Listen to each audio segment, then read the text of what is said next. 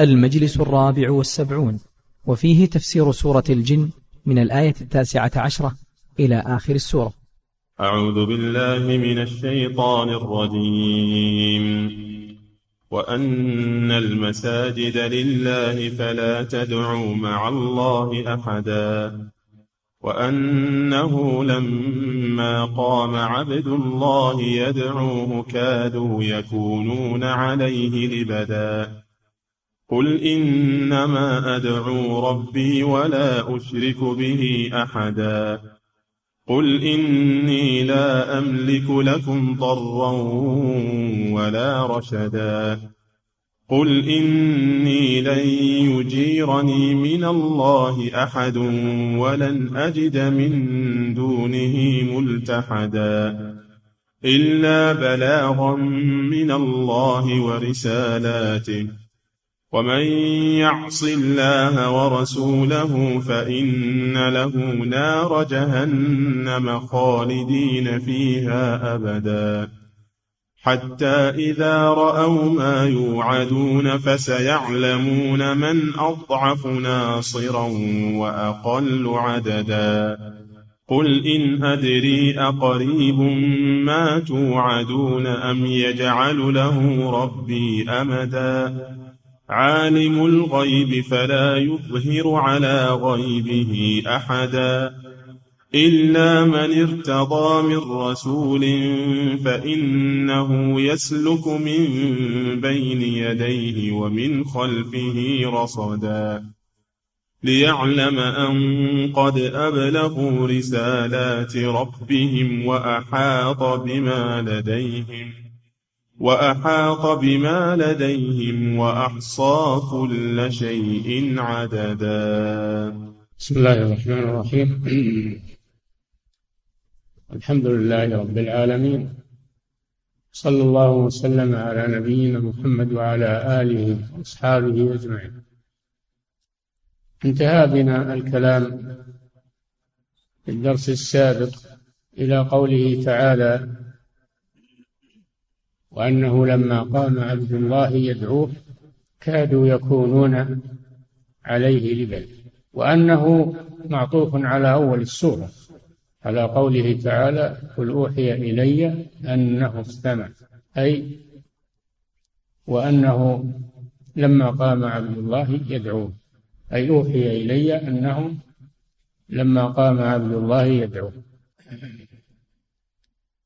ومعنى قام يعني قام يصلي وذلك في بطن نخلة عائدا من الطائف إلى مكة. لما قام يصلي ويقرأ القرآن سمعته الجن اجتمعوا تزاحموا عليه لما قام عبد الله أي الرسول صلى الله عليه وسلم.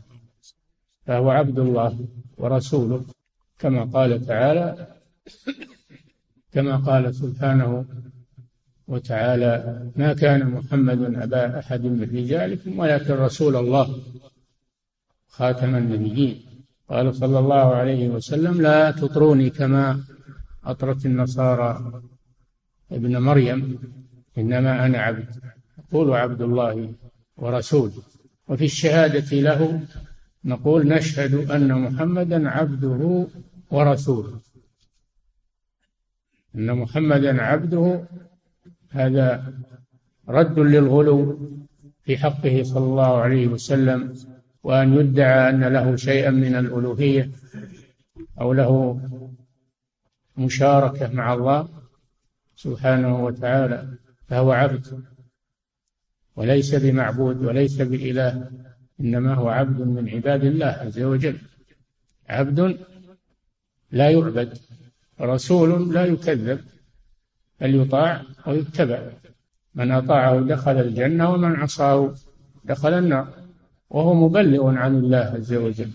كإخوانه من من الأنبياء والمرسلين. فلما قام عبد الله أي محمد صلى الله عليه وسلم يدعوه يدعو الله سبحانه وتعالى في صلاته ويقرأ القرآن. كادوا أي الجن الذين حضروا يكونون كادوا يعني قاربوا لأن كاد من أفعال الشروع. أي قاربوا يكونون عليه لبدا. أي تزاحموا عليه حتى ركب بعضهم بعضا من الحرص على استماع ما يقول. واللبد هو الشيء الذي يكون على على الإنسان تقي به البرد والحر كادوا يكونون عليه لبدا. وقيل إن المراد بذلك كفار قريش. لما قام عبد الله في مكة قام الرسول صلى الله عليه وسلم في مكة يدعو إلى الله ويقرأ القرآن ويصلي. كاد المشركون يكونون عليه لبدا استنكارا. لما يقوم به وهددوه وتوعدوه أن لا أن لا يخرج عما هم عليه من الشرك وعبادة الأوثان. هذا هو المعنى الثاني المراد كادوا يكونون عليه لبدا أنهم المشركون في مكة وأنهم يريدون إطفاء رسالته. وأن يبقوا على ما هم عليه من الشرك وعبادة الأوثان. قال الله جل وعلا لرسوله قل إنما أدعو ربي إنما أدعو ربي هذا حصر أي لا أدعو غير الله عز وجل خلاف المشركين والوثنيين الذين يعبدون غير الله ويدعون غير الله. إنما أدعو ربي. لا أدعو غيره. لا أدعو غيره. كما يفعله المشركون. إنما أدعو ربي ولا أشرك به أحدا في دعائه وعبادته. كلمة أحد نكرة. في سياق النفي تعم كل أحد من دون الله عز وجل. لا الملائكة ولا الرسل ولا الأولياء والصالحين ولا الجن والإنس فلا يدعى مع الله أحد. كائنا من كان لأن العبادة حق لله وحده لا شريك له وهذا ما جاءت به الرسل عليهم الصلاة والسلام. وما أرسلنا من قبلك من رسول إلا نوحي إليه إنه لا إله إلا أنا فاعبدون ولا أشرك به أحدا. كائنا من كان. من الأشجار والأحجار والأصنام والأولياء والصالحين والأنبياء والملائكة كلهم عباد. كلهم عباد.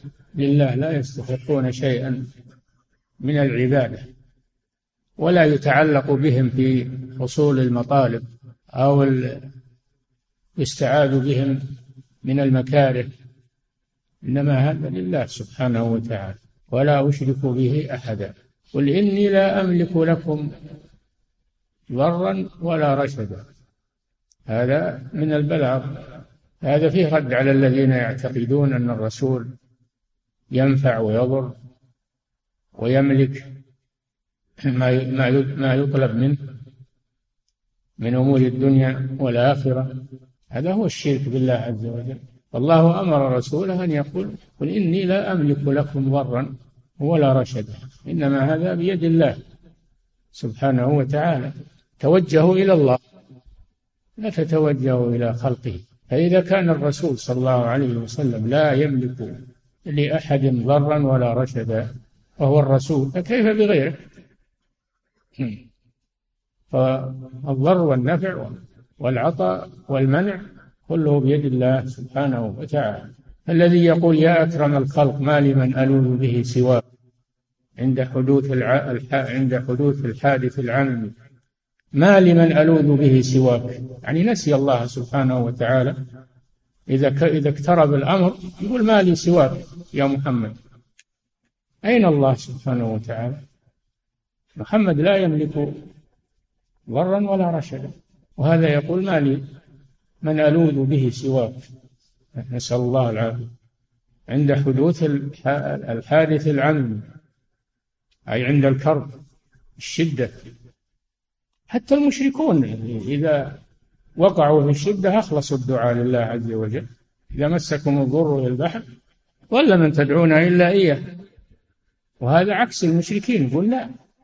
في حال الشدة ما لمن ألول به سوى قارن بين هذا وبين قوله قل إني لا أملك لكم ضرا ولا رشدا بل إنه في آية أخرى قل لا أملك لنفسي ضرا ولا نفعا إلا ما شاء الله. ولو كنت أعلم الغيب لاستكثرت من الخير وما مسني السوء. إن أنا إلا نذير وبشير لقوم يؤمنون. كيف يغفلون عن القرآن؟ ويشركون بالله عز وجل ويغلون في الرسول صلى الله عليه وسلم. حتى يقول هذا الشاعر فإن من جودك الدنيا وضرتها ومن علومك علم اللوح والقلم. إذا ما بقي لله شيء؟ إذا صارت الدنيا والآخرة للرسول صلى الله عليه وسلم ماذا بقي لله؟ وإذا كان ما في اللوح المحفوظ وما كتبه القلم الذي خلقه الله وقال له اكتب. هذا بعض علم محمد صلى الله عليه وسلم. هو كله بعض علمه من علومك؟ علم اللوح والقلم. إذا ما بقي لله شيء. صار الرسول هو الرب والعياذ بالله. هل هل هناك غلو أكثر من هذا؟ نسأل الله العافية. إني لا أملك لكم ضرا ولا رشدا قل لا أملك لنفسي نفعا ولا ضرا إلا ما شاء الله. ولما نزل عليه قوله تعالى وأنذر عشيرتك الأقربين. نادى على جبل الصفا نادى نادى قريشا فلما اجتمعوا قال لهم عليه الصلاة والسلام اشتروا أنفسكم. يا معشر قريش يا معشر قريش اشتروا أنفسكم. لا أغني عنكم من الله شيئا. يا عباس عم رسول الله لا أغني عنك من الله شيئا. يا صفية عمة رسول الله لا أغني عنك من الله شيئا. يا فاطمة بنت محمد لا أغني عنك من الله شيئا. سليني من مالي لا أغني عنك من الله شيئا. إذا كان لا يملك لأقرب الناس لنفسه لا يملك لنفسه ولا لأقرب الناس إليه لا يملك لهم شيئا. من دون الله كيف بغيرهم؟ فأين الذين يغلون في الرسول صلى الله عليه وسلم يستغيثون به ويستنجدون به ويفعلون الأفاعيل من الشركيات وينسون الله سبحانه وتعالى وهم يقرؤون هذه الآيات. أعماهم الله عز وجل عن تدبرها. أعماهم الله عن تدبرها. وإن كانوا يحفظونها ويقرؤونها ويرتلونها. لكن يقرؤونها يعني مجرد البركة أو للتلذذ بصوت القارئ دون عمل وتدبر لها. حرمهم الله عز وجل. قل إني لا أملك لكم ضرا ولا رشدا. ثم قال قل إني لن يجيرني من الله لن يجيرني من الله أحد. إذا أراد الله أخذه وتعذيبه فلن يمنعه أحد من الله سبحانه وتعالى. لا أحد يمنع من أراده الله بعقوبة. لا أحد يمنع عقوبة الله عمن أراد إنزالها به ولا أحد ينقذه. لا أحد ينقذه من عذاب الله. ما لمن ألوذ به عند سواك عند حلول الحادث العميم أين هذا من هذه الآية؟ لا أملك. قل إني لن يجيرني من الله أحد. لو أرادني الله بعقوبة فلن يمنعها أحد عني. وإن يمسسك الله بضر فلا كاشف له إلا وإن يردك بخير فلا راد لفضله. يصيب به من يشاء وهو الغفور الرحيم. ولن أجد من دونه ملتحدا. أي ملجأ ألجأ إليه. وأعتصم به. البر والبحر والأرض والسماء لن تجيرك من عذاب الله سبحانه وتعالى. ولا وليس لك ملاذ الله إذا طلبك أدركك سبحانه وتعالى. فلماذا ينصرفون عن الله عز وجل؟ يتعلقون بالمخلوقين. إني لن يجيرني من الله أحد. وين اللي يقولون تجيرنا الأصنام والأشجار والأحجار؟ لا تجيرهم ولا ولا تنقذهم من عذاب الله. يريدني الرحمن بضر لا تغني عني شفاعتهم شيئا ولا ينقذون. الأمر واضح في هذا. لن يجيرني من الله أحد ولن أجد من دونه ملتحدا هذا وهو رسول الله صلى الله عليه وسلم. فكيف بغيره؟ إلا بلاغا من الله ورسالاته أي لا ينقذني من عذاب الله إلا بلاغ إبلاغ رسالته التي حملني إياها فإنني إذا قمت بإبلاغها فإن ذلك يمنع عني عذاب الله. ذلك يمنع عني عذاب الله. إلا بلاغا من الله ورسالاته. هذا هو الذي ينقذني. وينفعني ويدفع عني عذاب الله بإذن الله سبحانه وتعالى. إلا بلاغا من الله ورسالاته. ومن يعص الله ورسوله فإن له نار جهنم خالدين فيها أبدا. يعصي الله ورسوله أي بالشرك لأن الرسول يدعو إلى التوحيد وترك عبادة الأصنام فمن عصاه وبقي على الشرك وعبادة غير الله فإن مصيره إلى جهنم حتما وهي مأواه دائما وأبدا. من يعصي الله ورسوله. المراد هنا معصية الشرك. أما المعاصي التي دون الشرك فهذه تحت مشيئة الله كما قال جل وعلا إن الله لا يغفر أن يشرك به ويغفر ما دون ذلك لمن يشاء. من يعص الله ورسوله فإن له نار جهنم خالدا فيها خالدين فيها. فإن ومن يعص الله ورسوله فإن له نار جهنم خالدين فيها أبدا. أما غير المشركين من العصاة أصحاب الكبائر فهم وإن دخلوا النار بقدر ذنوبهم فإنهم لا يخلدون في النار. بل يخرجون منها كما صحت بذلك الأحاديث عن رسول الله صلى الله عليه وسلم. إنما يخلد في النار الكافر والمشرك فإن له نار جهنم. جهنم من أسماء النار والعياذ بالله. النار لها أسماء ومنها جهنم. خالدين فيها باقين فيها. أبدا لا يخرجون منها. أبد الآباد. ومن يعص الله ورسوله فإن له نار جهنم خالدين فيها أبدا حتى إذا رأوا ما يوعدون. هذا ابتداء كلام ابتداء كلام واستئناف كلام. مثل قوله تعالى حتى إذا استيأس الرسل وظنوا أنهم قد كذبوا جاءهم نصرنا فنجي من نشاء ولا يرد بأسنا عن القوم المجرمين. فهذا ابتداء كلام. إذا رأوا ما يوعدون فسيعلمون من أضعف ناصرا وأقل عددا. حين ذاك إذا جاءهم ما يوعدون من الهلاك والعذاب فإنهم لا منجاة لهم من ذلك ولا ينفعهم التوبة. عند نزول العذاب لا تنفع التوبة حتى إذا رأوا ما يوعدون فسيعلمون حين ذاك من أضعف ناصرا هل هو الرسول أو هم؟ الرسول ناصره الله سبحانه وتعالى والمؤمنون الله ناصرهم الله ولي الذين آمنوا وأما المشركون فإنهم لا ناصر لهم ما أحد ينصرهم وأصنامهم لا تنصرهم الشيطان الذي أغواهم لا ينصرهم بل يتبرأ منهم من أضعف ناصرا وأقل عددا أي جنودا وقوة. الله الله له جنود السماوات والأرض. أما هم فليس لهم إلا عدد قليل من الحرس والجند أضعف منهم أضعف منهم أيضا. لا يمنعونهم ثم قال قل إن أدري كل الآيات صدرت بقول قل أمر من الله سبحانه وتعالى. قل إن أدري أي ما أدري إن بمعنى ما أي ما أدري. أقريب ما توعدون. لما خوفهم بالعذاب وهددهم به قالوا متى هذا؟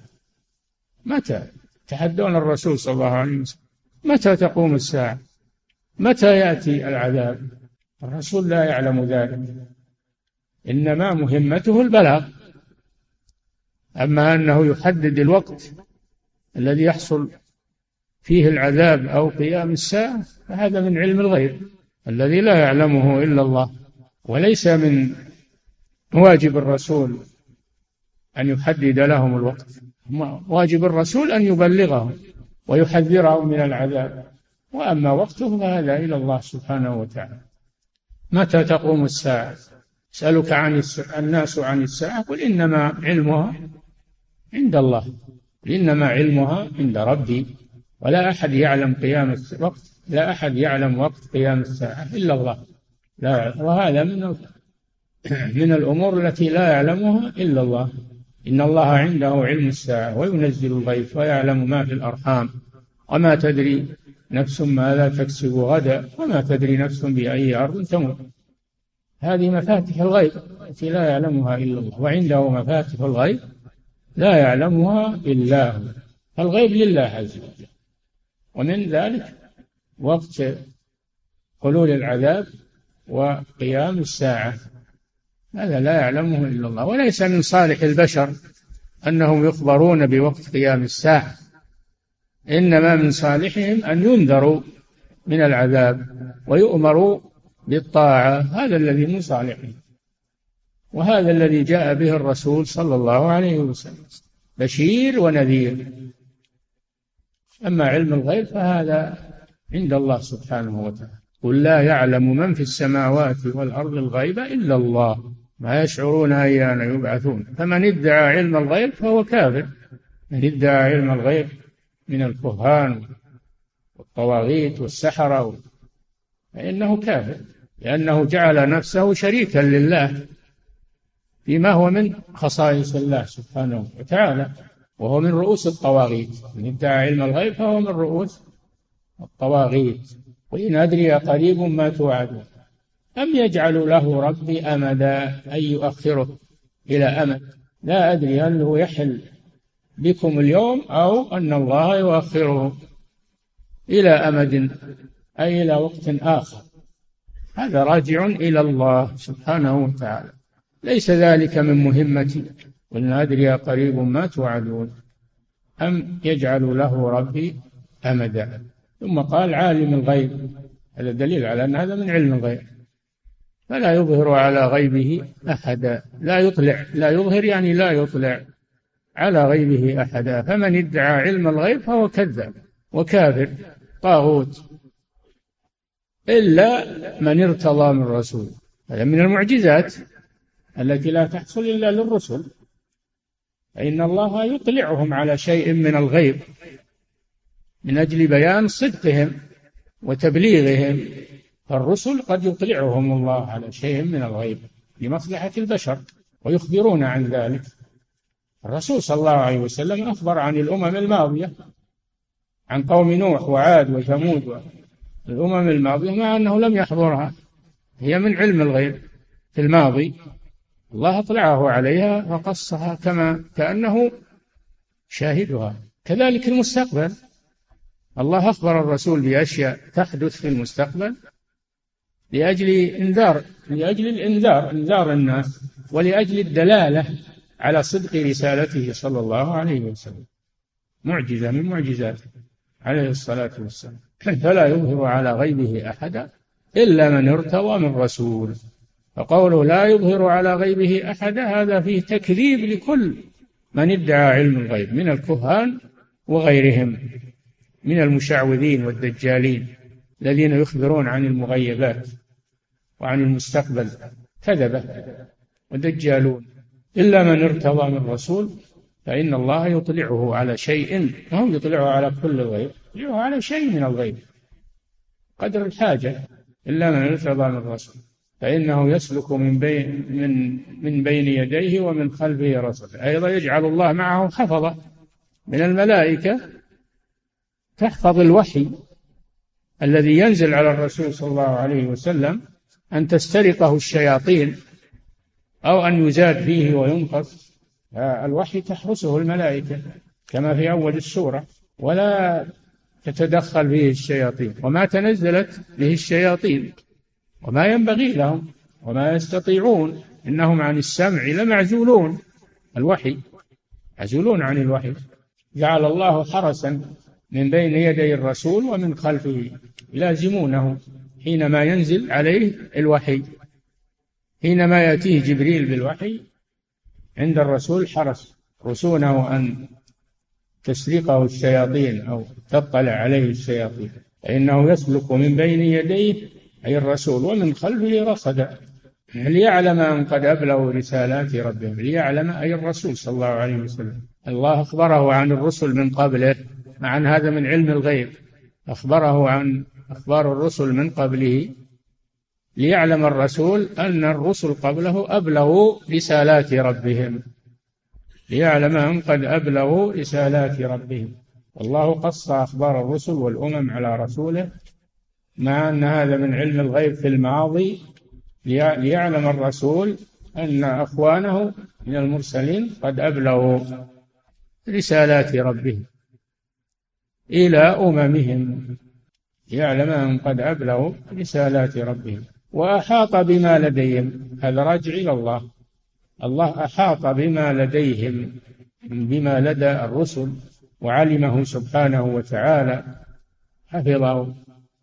وأحصى كل شيء سبحانه وتعالى أحصى كل شيء عددا يعلم ذرات الرمال وعدد ذرات الرمال وقطرات البحار وأوراق الأشجار ويعلم كل شيء. يعلم سبحانه وتعالى كل شيء لا يخفى عن علمه شيء. وعنده مفاتح الغيب لا يعلمها إلا هو ويعلم ما في البر والبحر.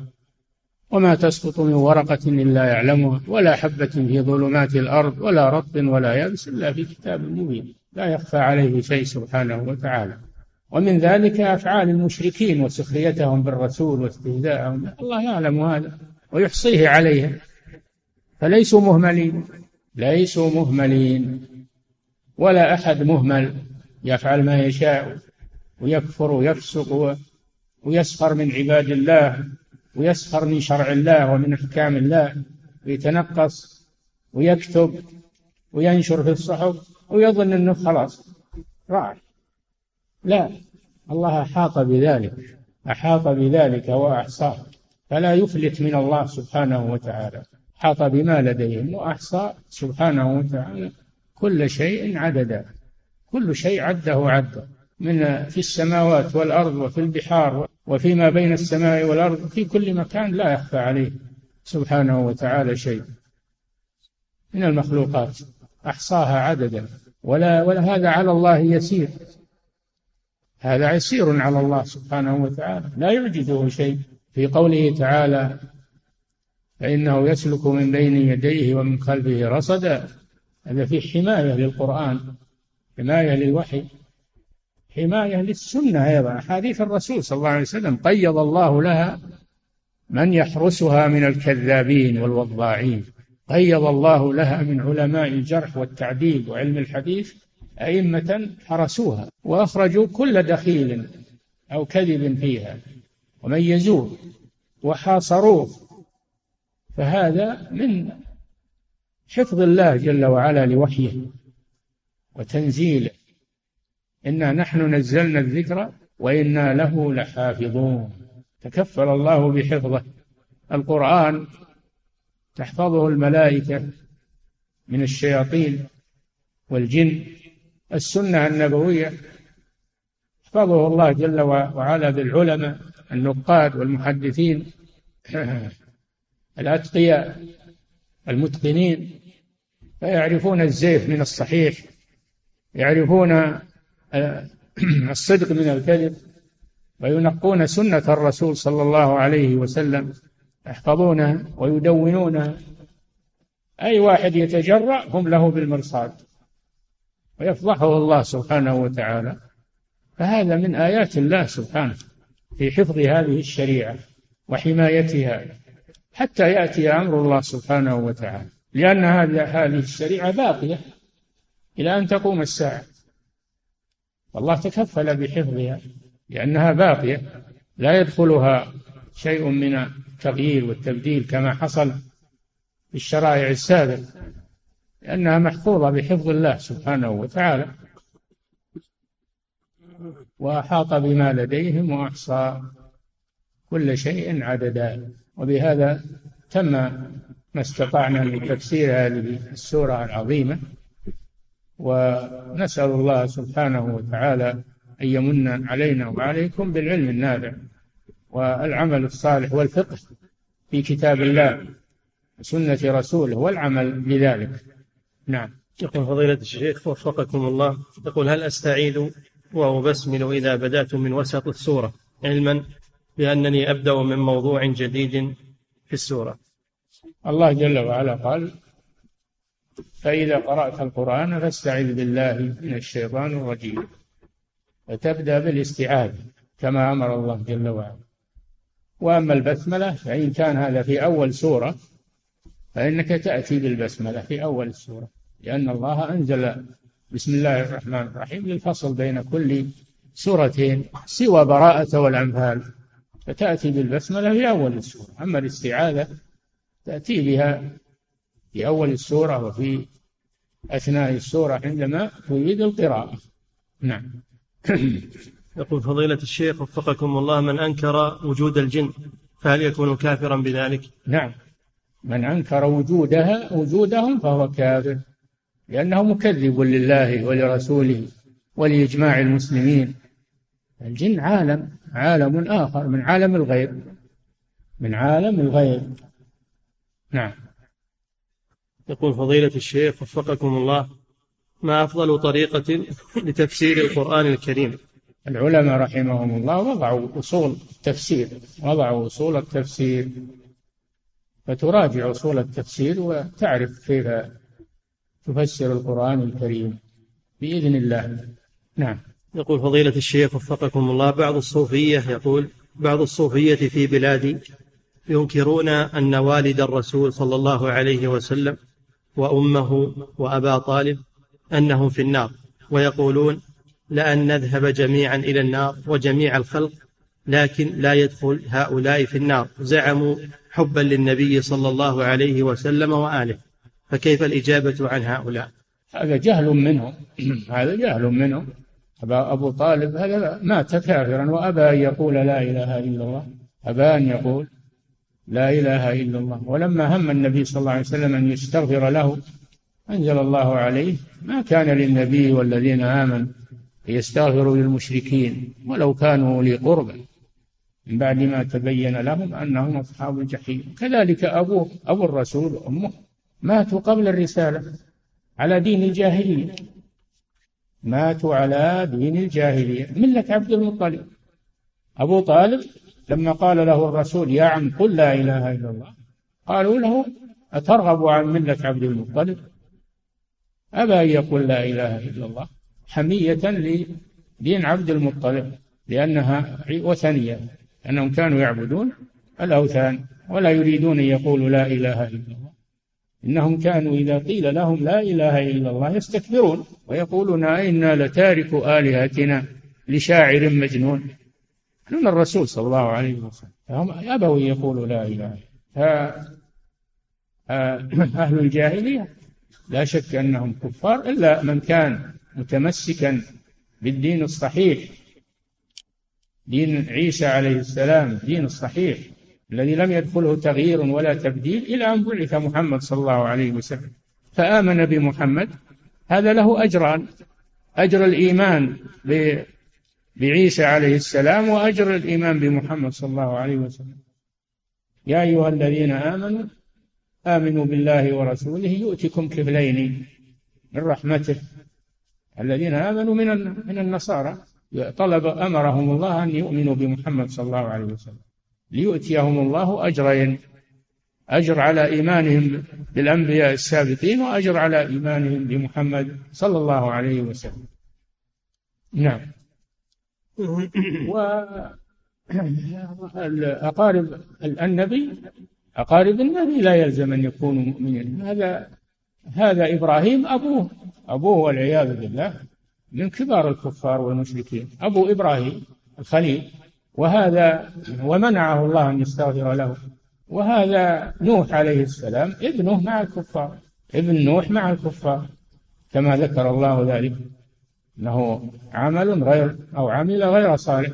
وهو ابن نبي فلا يمنع هذا أن يكون النبي أبوه أو ابنه على الكفر. نعم. يقول فضيلة الشيخ وفقكم الله بعض الطوائف الصوفية تستدل بقوله تعالى عالم الغيب فلا يظهر على غيبه أحدا إلا من ارتضى من رسول. الآية على أن هناك بعض الأولياء الذين يطلعهم الله عز وجل ببعض الغيب وأن هؤلاء الأولياء يمكن التبرك بهم وطلب الغوث منهم. هم رسل إلا من ارتضى من رسول هل هؤلاء الأولياء اللي يزعمون هم رسل؟ غير الرسل لا يطلعهم الله على الغيب. نعم.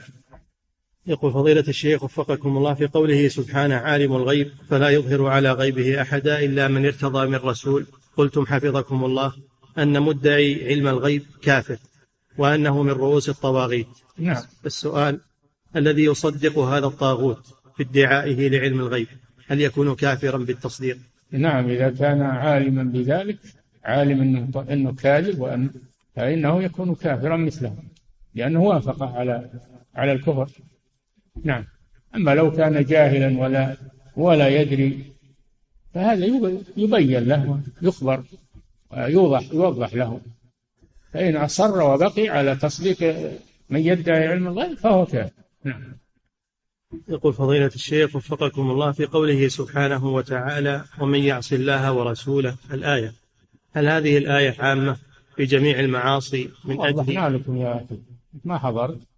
وضحنا لكم أنها في توحيد ويعصي الله ورسوله بالشرك فإنه مخلد في النار.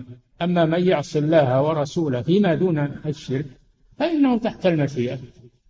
إن شاء الله غفر له وإن شاء عذبه. وإذا عذبه فإنه لا يخلد في النار. هذا مذهب أهل السنة والجماعة. نعم. يقول فضيلة الشيخ وفقكم الله في قوله سبحانه وتعالى ليعلم أن قد أبلغوا. الآية هل أن تفسيرية؟ وفي قوله تعالى من جاء بالحسنة من جاء بالحسنة آه، في سورة النمل آخر سورة النمل. من جاء بالسيئة فكبت وجوههم في النار. من جاء بالسيئة فكبت وجوههم في النار. المراد بالسيئة هنا الشرك. من جاء بالحسنة هذه التوحيد حسنة التوحيد. نعم. يقول فضيلة الشيخ وفقكم الله في قوله تعالى ليعلم أن قد أبلغوا. هل أن تفسيرية؟ أنهم لا مخففة من الثقيل. الأصل أنهم قد أبلغوا فخففت وحذف الضمير الذي هو اسمها من باب التخفيف نعم. يقول فضيلة الشيخ وفقكم الله هل صحيح أن بعض الجن كانوا يأتون لطلب العلم عند بعض المشايخ المعاصرين كابن باز رحمه الله؟ والله ما رأيته ما أدري. نعم. يقول فضيلة الشيخ لكن لا يستبعد لا يستبعد أنهم يأتون إلى. قد ذكروا قصصا من هذا عند العلماء أنهم يحضرون. الله أعلم. نعم. يقول فضيلة الشيخ وفقكم الله يقول ينسب إلى فضيلتكم بعض الفتاوى وأريد أن أتأكد منها ومن صحتها عنكم وهي تحريم البوفيه المفتوح. هل أفتى فضيلتكم بتحريمه؟ ما حرمت البوفيه. سألوني عن اللي يدخل البوفيه ويأكل ما يشاء ويدفع مبلغ محدد. أقول هذا مجهول. هذا مجهول والبيع والشراء يشترط أن يكون المبيع معلوما. وهذا مجهول ما يدرى وش يبي ياكل كثير ولا قليل هذا اللي أقوله. نعم. وكذلك حفظكم الله يقول أنكم أفتيتم بإجازة حجز المكان في المسجد للشخص الذي تعلم أنه قادم ولم يقدم بعد حتى لو تأخر هذا الشخص إلى المغرب. هذا زود هذه زيادة في الفتوى. أنا أقول إذا كان صاحب المكان يبي يخرج لحاجة يبي يتوضأ بحاجة سريعة ويرجع فهو أحق بالمكان. أما إذا كان يحجز المكان يروح لأعماله وإشغاله ولا يروح ينام فهذا لا يجوز. نعم. يقول فضيلة الشيخ وفقكم الله يقول أنا شخص أحمل في جيبي مصحفا لأتمكن من مراجعة القرآن. يقول أنا شخص أحمل في جيبي مصحفا لأتمكن من مراجعة القرآن كل وقت. ولكن إذا أردت دخول الحمام أجعله في الخارج فيترتب على ذلك أني أفقده كثيرا أو أنساه تارة أخرى. وقد عانيت كثيرا من ذلك. فهل لي أن أدخل به في الحمام وأضعه في الجيب؟ والله ما يكره أو يحرم دخول الحمام بشيء فيه ذكر الله والقرآن ضعه خارج الحمام في مكان معروف وخذه إذا خرج. لا شك أنه أبرأ للنفس وأحوط. وإذا فقدته فالأمر سهل المصاحف ولله الحمد ميسرة الآن. نعم. يقول فضيلة الشيخ وفقكم الله هل قول القائل حياك الله هل هذا من السنة في التحية؟ وهل به سوء أدب مع الله؟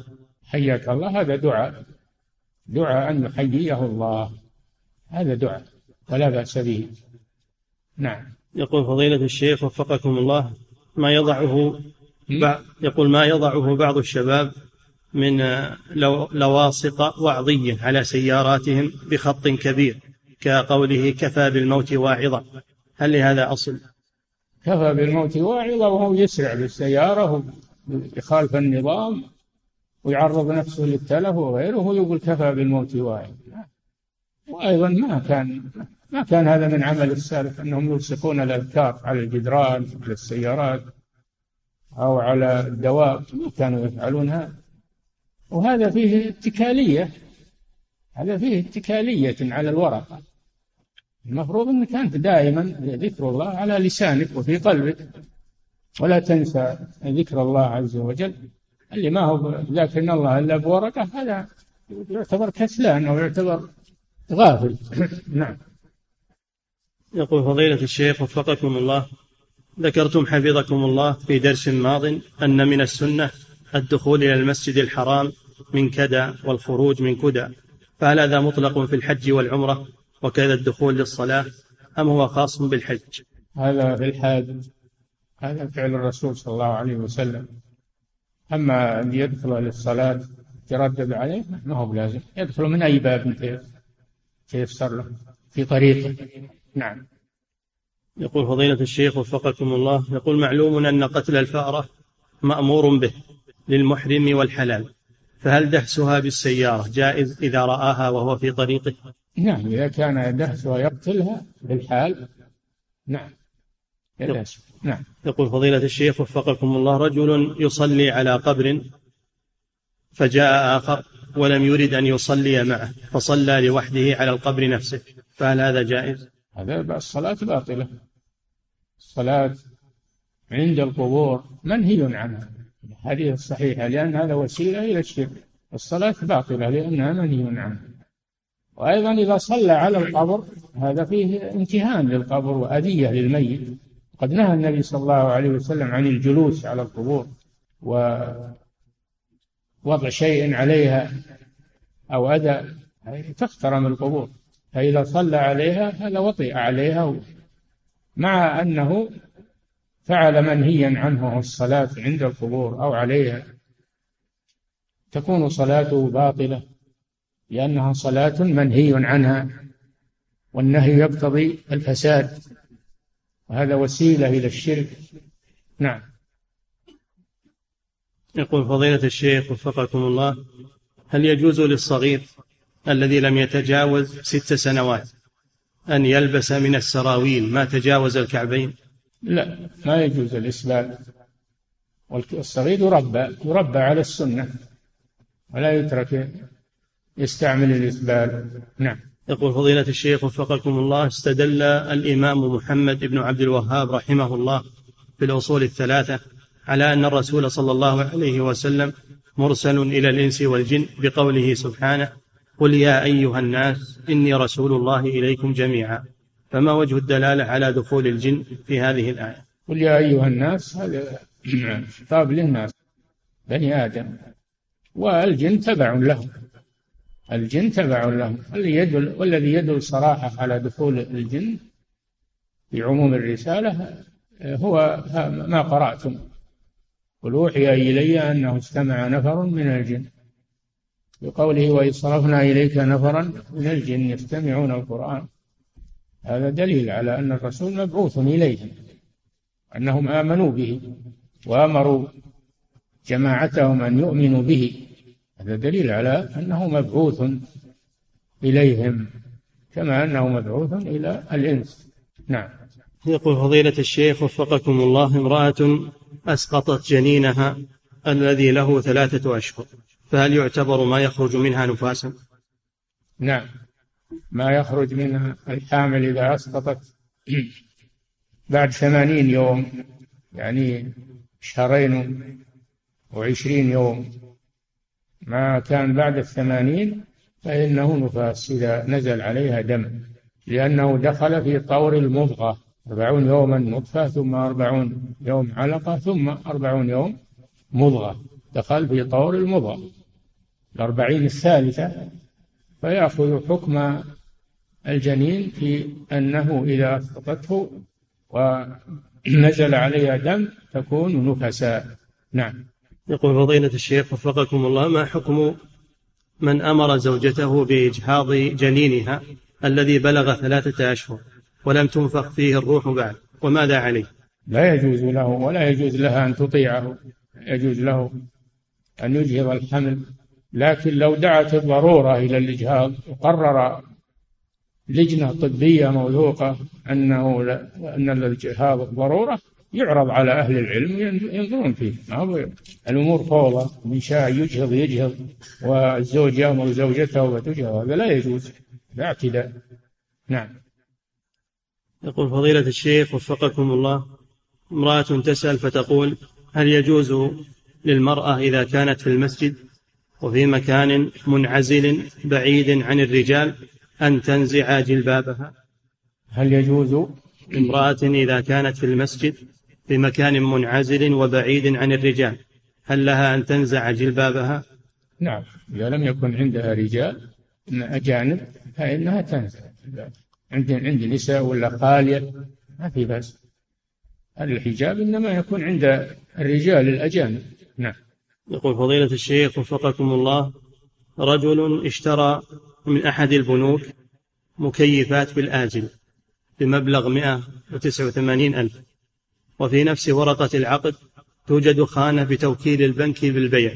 لا هذه حيل يعملونها للربا. ما يوكلهم يقبض المكيفات ويحملها من مكانهم وينقلها من مكانهم إلى مكان آخر. ويبيعها على غيرهم يبيعها على غيره. ولا تصير عينة. هذه مسألة العينة. نعم.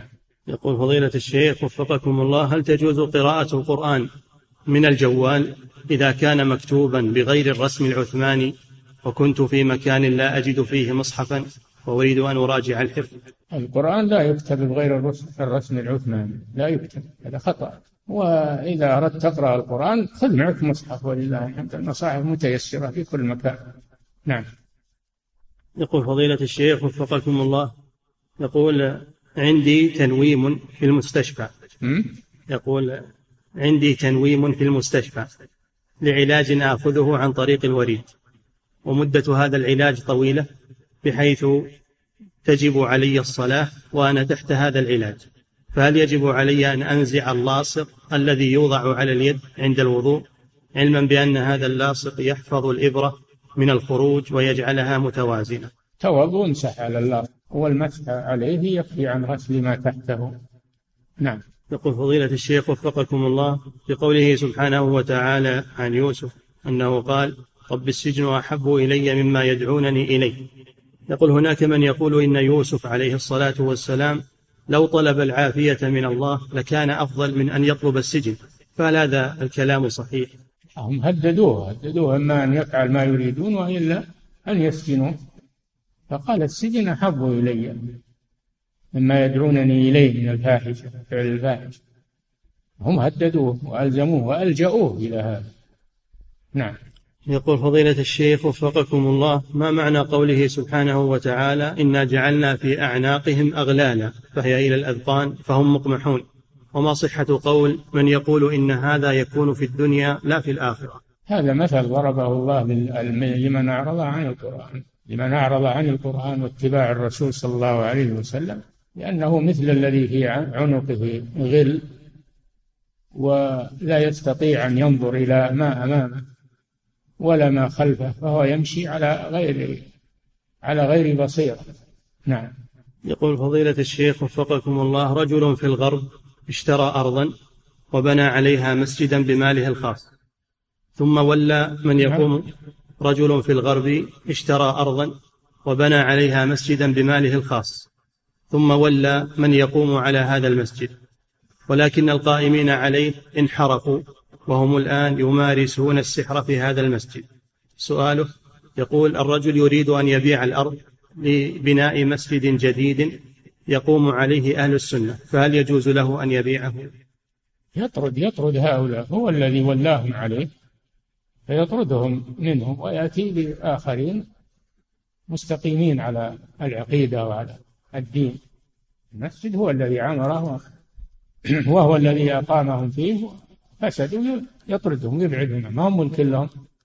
يطردهم عن مسجده ويجعل فيه مكانهم من هو صادق في عقيدته. نعم. أما البيع يحتاج إلى نظر من جهة القاضي أو من جهة الجهة المسؤولة. نعم. يقول فضيلة الشيخ وفقكم الله هل يجوز أن أسلم على المجاهر بالمعصية كشارب الدخان وحالق اللحية ومسبل الثوب؟ سلم عليه مع مناصحته لأنه مسلم. ليس بكافر هو مسلم تسلم عليه لكن مع مناصحته. نعم. يقول فضيلة الشيخ وفقكم الله يقوم بعض الناس بوضع صندوق يضع كل شخص منهم مبلغا من المال فيه كل واحد منهم بالتساوي. وإذا احتاج أحد لمبلغ منه فإنه يأخذ من هذا الصندوق ما يكفيه وهكذا. فما الحكم في ذلك؟ يأخذه قرضا ولا يأخذه مجانا؟ هذا تعاوني هذا الصندوق تعاوني إذا كان يجمعون فيه تبرعات يجمعون فيه تبرعات ومن يحتاج فإنه يدفع له من هذا الصندوق ما يدفع حاجته. هذا من التعاون هذا شيء طيب. نعم. يقول فضيلة الشيخ وفقكم الله هل قراءة القرآن في المجالس وترتيله من السنة؟ وإذا كان كذلك فهل يعتبر من السنن المهجورة في هذا الزمان؟ تلاوة القرآن فيها خير وفيها بركة في المجالس وغيرها. كان الصحابة إذا اجتمعوا يأمرون.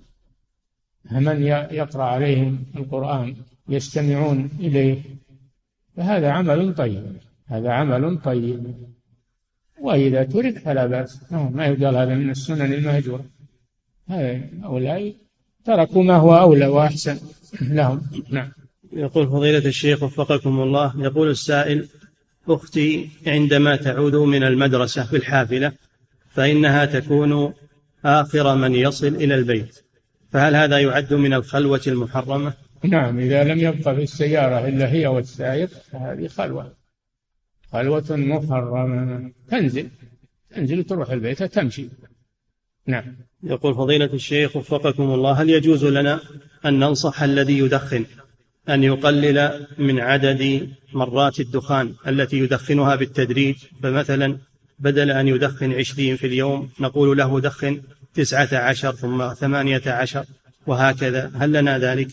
لا. إذا نصحته انصحه عن الدخان نهائيا يتركه نهائيا.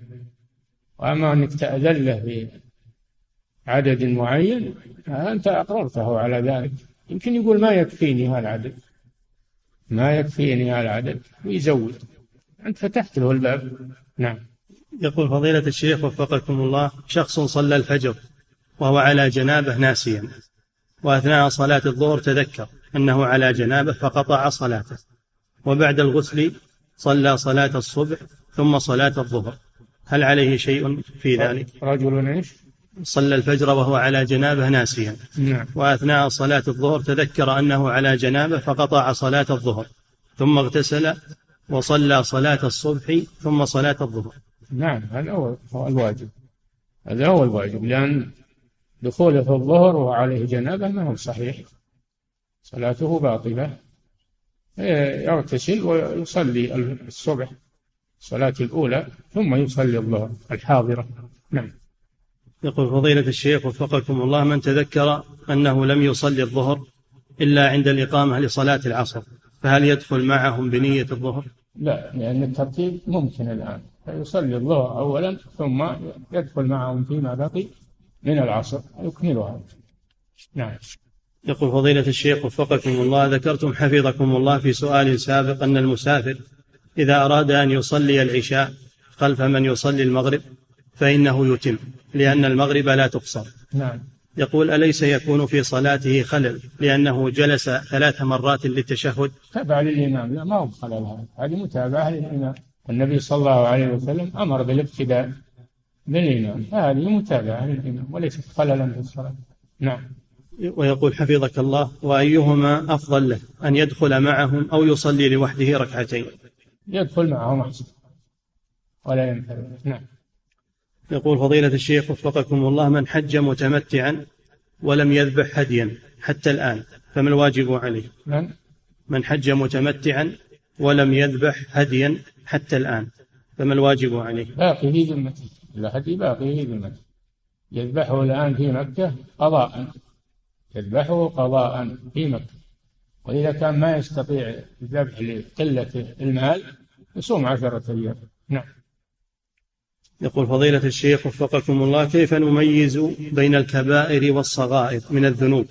وهل حلق اللحية وإسبال الثياب يعد من الكبائر؟ إسبال الثياب من الكبائر. لأن الرسول توعد عليه بالنار قال ما أسفل ما كان أسفل الكعبين فهو في النار. فينطبق عليه ضابط الكبيرة. وأما الصغائر فهي ما نهي عنه ولم يرتب عليه وعيد. في الآخرة ولا حد في الدنيا وإنما فيه النهي فقط. هذا يعتبر من الصغائر. نعم. يقول فضيلة الشيخ وفقكم الله إذا فاتتني ركعة فمتى أقوم لإتمام الصلاة؟ هل هو بعد تسليم الإمام التسليمة الأولى أو التسليمة الثانية؟ لا بعد ما يسلم الثانية. ما تقوم بعد التكبيرة الأولى. لا يجوز هذا حتى يسلم التسليمة الثانية. نعم. لأنه ما زال في الصلاة. نعم. فضيلة الشيخ وفقكم الله هذا السائل يقول هل مكافأة الجامعة فيها زكاة؟ قد كتب سؤاله عشر مرات. إذا اجتمع عنده مال وحال عليه الحول ففيه الزكاة من مكافأة الجامعة أو غيرها. إذا اجتمع عنده مال يبلغ النصاب أكثر حال عليه الحول يجب فيه الزكاة. نعم. يقول فضيلة الشيخ وفقكم الله يقول أردت أن أقترض مبلغا من أحد الأشخاص لكن ماله مختلط بالحلال والحرام وأخبرت كذلك بأنه لا يصلي ولست متأكدا من ذلك. هل يجوز لي أن أقترض منه؟ لا مانع من ذلك. ما دام ما تعلم إن هالمال حرام تقترض تبيع وتشتري. الرسول صلى الله عليه وسلم كان يأكل من طعام اليهود ويشتري منهم وهم يتعاملون بالربا لأن ما كل أموالهم ربا عندهم شيء من الحلال. نعم. يقول فضيلة الشيخ وفقكم الله يقول نحن مدرسون ونصلي الظهر جماعة في المسجد مع بعض الطلبة وذلك بمجرد دخول الوقت ولا ننتظر الأذان حيث إن المسجد الذي يجاور المدرسة يتأخر عن الوقت بمدة خمس دقائق. فهل فعلنا صحيح؟ يكفي الأذان في البلد إذا سمعتم الأذان في البلد أو قريبا منكم يكفي. وصلاتكم في المدرسة هذه فيها نظر لأن المسجد قريب منكم تسمعون النداء. الواجب عليكم الذهاب للمسجد تصلون فيه وترجعون للمدرسة. إلا إذا كان هناك مانع أو محذور يمنعكم من الذهاب للمسجد صلوا في المدرسة. نعم. يقول فضيلة الشيخ وفقكم الله مؤذن مسجد يترك مسجده في كل صلاة ظهر وعصر ويذهب إلى المساجد التي تقام فيها الصلاة على الجنائز رغبة منه في الأجر. فما الحكم في ذلك وما نصيحتكم له؟ الأجر في قيامه بالواجب. الواجب عليه أن يبقى في مسجده وأن يؤذن ويقيم الصلاة هذا عمله المكلف به وهو واجب عليه. الصلاة على الجنازة هذه سنة. كيف يترك واجب يروح لطلب سنة؟ نعم. يقول فضيلة الشيخ وفقكم الله يقول كيف يجمع بين نهي النبي صلى الله عليه وسلم للخطيب الذي قال ومن يعصهم ومن يعصهما فقد غوى وبين قوله عليه الصلاة والسلام إن الله ورسوله ينهيانكم عن لحوم الحمر الأهلية لأن الخطيب في كلامه إجمال من يعصهما قد يفهم منه أنه لا يأثم إلا إذا عصى الله ورسوله جميعا. في حين أنه إذا عصى الله فقط أو عصى الرسول كن عليه الإثم ليس من لازم ذلك أن يجمع بين معصية الله ورسوله. أما في الحديث الثاني فليس فيه إجمال ولا محذور. نعم. يقول فضيلة الشيخ وفقكم الله بعض الناس إذا سئل عن شخص قال قال عنه إنه يطهر الأرض التي يمشي عليها. فهل في هذه العبارة شيء؟ مبالغة في المدح هذه مبالغة في المدح الأرض ما يطهرها إلا الماء الطهور. لكن هذه مبالغة في المدح يتركها. نعم. يقول فضيلة الشيخ وفقكم الله يقول ما رأي فضيلتكم فيما يفعله بعض الناس من تأخير الصلاة على الميت رغبة في كثرة أعداد المصلين عليه؟ وهل كثرة المصلين لها تأثير على ذلك؟ ما في شك. كثرة المصلين فيها زيادة أجر للميت. دعواتهم أرجى أن تقبل إذا كان كثيرين. وهذا من مصلحة الميت. إذا كان التأخير لا يضر الجنازة إذا كان التأخير لا يضر بالجنازة انتظارا لمصلحة الميت بكثرة المصلين فلا بأس. نعم. يقول فضيلة الشيخ وفقكم الله يقول هل يجوز السفر بالخادمة؟ للحج أو للعمرة وتكون بصحبة العائلة. بلا شك أنها سواء بقيت في البيت مع العائلة أو سافرت معهم الحكم واحد.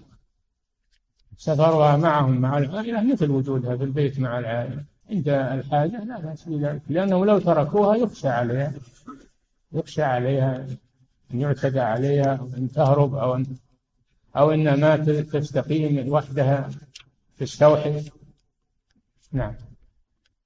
يقول فضيلة الشيخ وفقكم الله يقول أخبرني أحد الإخوة أنه شكى أمره بعد الله سبحانه لأحد المشايخ الفضلاء من كبار العلماء وما أصابه وأصاب أبناء فقال له هذا الشيخ تقرأ سورة الأنبياء عند النوم لمدة سبع ليال ثم سترى العائن في الليلة الأخيرة في منامه.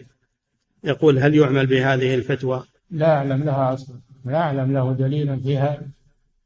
نعم. يقول فضيلة الشيخ وفقكم الله رجل ذهب إلى من يرقيه وكان فيه مس فقال له الراقي احتجب أربعين يوما في غرفة فهل هذا الفعل من السنة؟ دخل دخل الحمية بالرقي. يقرأ عليه ويرقيه يخليه يروح. اللي يأمر بالحمية هو الطبيب أما الراقي ما هو الطبيب إن كان يحسن الرقية يرقيه وإن كان ما يحسن الرقية يقول لا أحسن. وأما الحمية والأدوية هذه من اختصاص الأطباء. نعم. يقول فضيلة الشيخ وفقكم الله. يقول قرأت في إحدى الخطب المنبرية لفضيلتكم أنكم تقولون عن الجمعيات التي يفعلها بعض الناس أو بعض الموظفين بأن يدفع كل واحد منهم نعم جزءا من نعم نعم. أنا على رأيي في هذا. أنا أقول لا تجوز لأنها يدخلها القرض الذي جر نفعا وقرض مشروط في قرض تقرضهم بشرط أن يقرضوك. وهؤلاء هذان مانعان من من القرض. لأنه يدخل في حكم بيعتين في بيعة ويدخل في قرض مشروط في قرض وفيه محاذير. نعم. يقول فضيلة الشيخ وفقكم الله يقول في بلدي يقوم بعض الناس بتزويج ابنته بعشرين ألف ريال من جاره وجاره يزوجه ابنته بعشرين ألف ريال كذلك. فهل هذا يعد شغارا؟ نعم هذا على القول الثاني وهو الذي يفتي به الشيخ ابن باز رحمه الله أنه من الشغار. ولو كان لكل واحدة منهما مهر. يقول أن رواية ولا مهر بينهما هذه من تفسير ابن عمر وليست من أصل الحديث. وهذا فيه ضرر على النساء أنها لا ينظر في مصلحتها وإنما ينظر في مصلحته هو فيعطيه ابنتها أو موليته على أن الآخر يعطيه موليته ولا ينظرون إلى مصلحة المرأتين ولا يأخذون أيضا رأي المرأتين فالضرر موجود. نعم. يقول فضيلة الشيخ وفقكم الله هل يجوز للحائض أن تدخل الحرم أو غيره من المساجد لطلب العلم؟ الحائض لا تدخل لا تجلس في المسجد. لا الحرم والمسجد الحرام ولا غيره. الحائض لا تمكث في المسجد والجنوب لا يمكث في المسجد حتى تطهر الحائض وتغتسل نعم. يقول فضيلة الشيخ وفقكم الله امرأة اعتمرت ونسيت أن تأخذ من شعرها وقد رجعت إلى مكان إقامتها وحصل بينها وبين زوجها جماع فما الواجب عليها؟ الواجب عليها أمران. الأمر الأول أن تقصر. لأن التقصير باقي في ذمتها وليس له مكان خاص. تقصر في أي مكان. والأمر الثاني تذبح فدية في مكة عن الجماع لأنها قصرت قبل أن تحل من إحرامها. تذبح فدية في مكة وزعها على الفقراء. نعم. يقول فضيلة الشيخ وفقكم الله هل ورد فضل في دفن الميت في مقبرة البقيع؟ دفن الميت مع الصالحين ومع المؤمنين لا شك أنه أفضل. يرجى أنه ينتفع بذلك. بقيع وفي غيره مع أصحاب الصلاة وأصحاب الاستقامة. نعم. يقول فضيلة الشيخ وفقكم الله إذا أوصى إنسان أن يدفن في غير بلده فهل تنفذ وصيته؟ إذا كان هذا له غرض صحيح تنفذ. أما إذا كان ما له غرض صحيح فلا يلزم تنفيذه. يدفن في أي مكان مع المسلمين. نعم. يقول فضيلة الشيخ وفقكم الله من ابتلي بفعل العادة السرية ولا يستطيع الزواج فما نصيحتكم له؟ العادة السرية حرام لا يستعملها. يتوب إلى الله عز وجل ولا يستعملها لأنها استمتاع محرم الذين هم لفروجهم حافظون إلا على أزواجهم أو ما ملكت أيمانهم. فلم يبح الاستمتاع إلا بالزوجة أو ملك اليمين. فمن ابتغى وراء ذلك فأولئك هم العادون. العادة السرية عدوان لأنها استمتاع بغير ما أحل الله عز وجل. عليه التوبة إلى الله. وإذا كان يقدر على الزواج يتزوج وإن كان ما يقدر يصبر. وليستعفف الذين لا يجدون نكاحا حتى يغنيهم الله من فضله. استعفف. يستعفف عن الزنا ويستعفف عن العادة السرية. نعم. يقول فضيلة الشيخ وفقكم الله طلب مني جماعة المسجد أن أكون إماما لهم في الصلاة ولكن رفضت لعدم استطاعتي الجلوس بين السجدتين. فهل تصرفي هذا صحيح؟ حيث إنني بين السجدتين أكون قائما على ركبتي. على إيش؟